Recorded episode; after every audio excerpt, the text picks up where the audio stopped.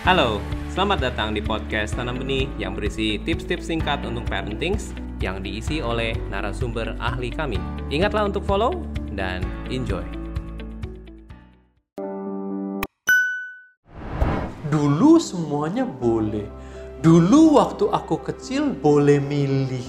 Sekarang waktu remaja karena orang tua melihat risiko-risiko tertentu dalam pergaulan remaja, segala sesuatunya diperketat jadi dikecilkan seperti corong yang terbalik begitu. Nah ini betul-betul terbalik dan anak-anak jadi berontak.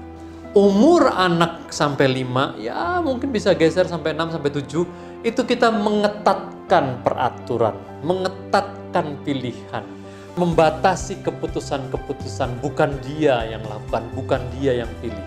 Waktu dia biasa untuk taat di dalam corong yang kecil ini, waktu umurnya bertambah, kita boleh sedikit memperlebar corongnya, memperlebar corongnya.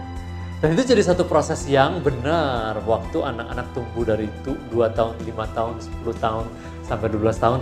Dia sudah belajar untuk disiplin, dia sudah belajar untuk taat di umur kecil. Kemudian kita bisa longgarkan waktu umurnya meningkat. Dan dia jadi anak yang bertanggung jawab dia jadi anak lebih matang, lebih mudah untuk taat. Sekali lagi, jangan dibalik. Bernegosiasi waktu di umur dia kecil, kemudian mengetatkan. Tidak ada negosiasi sama sekali waktu dia umur 12, waktu dia umur 13. Dan inilah anak-anak jadi berontak, jadi lebih tidak taat. Orang tua sering berkata, kok anak saya jadi nggak taat ya? Sebetulnya bukan itu yang terjadi. Sebetulnya yang terjadi adalah orang tua terbalik berikan corong yang besar di waktu kecil dan memperketat. Jelas anak tidak akan menaati. Tapi waktu menjaga, menegakkan disiplin di umur 0 sampai 5, anak-anak harus taat segera. Waktu kita memberikan instruksi, kemudian kita mengembangkan corongnya lebih besar, lebih besar.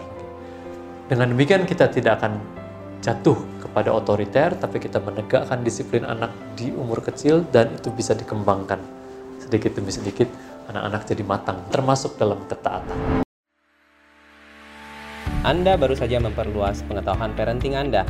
Follow podcast Tanah Benih di Spotify untuk terus mendapatkan update pengetahuan parenting. Mari bersama-sama menjadi orang tua yang lebih baik untuk generasi bangsa yang lebih baik.